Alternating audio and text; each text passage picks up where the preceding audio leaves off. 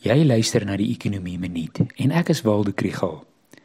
Hierdie week is Randstad se bank en die Buro vir Ekonomiese Onderzoek se Sakevertroue Indeks en FNB en die Buro se Verbruikersvertroue Indeks vir die 3de kwartaal bekend gemaak.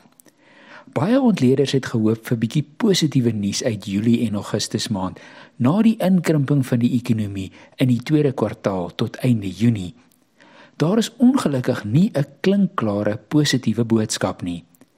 Die sakevertroue indeks het afgeneem vanaf 42 na 39 punte.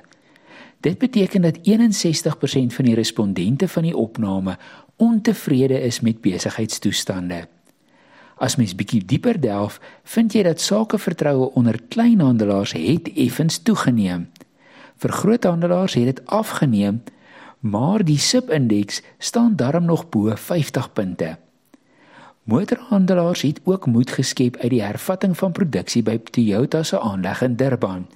Maar wêreldwyd is daar nog 'n tekort aan mikroprosesseerders en die aflewering van ingevoerde voertuie bly wisselvallig.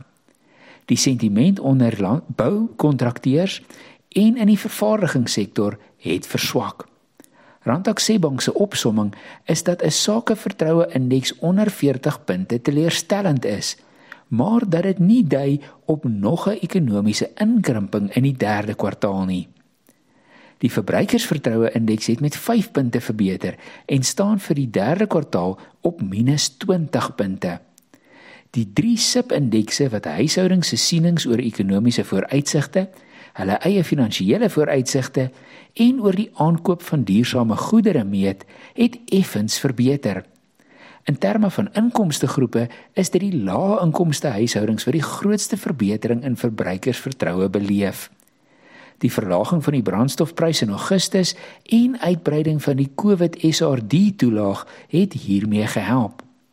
Alles saam beteken dit dat verbruiksbesteding dalk nog stadiger gaan groei in die volgende paar maande.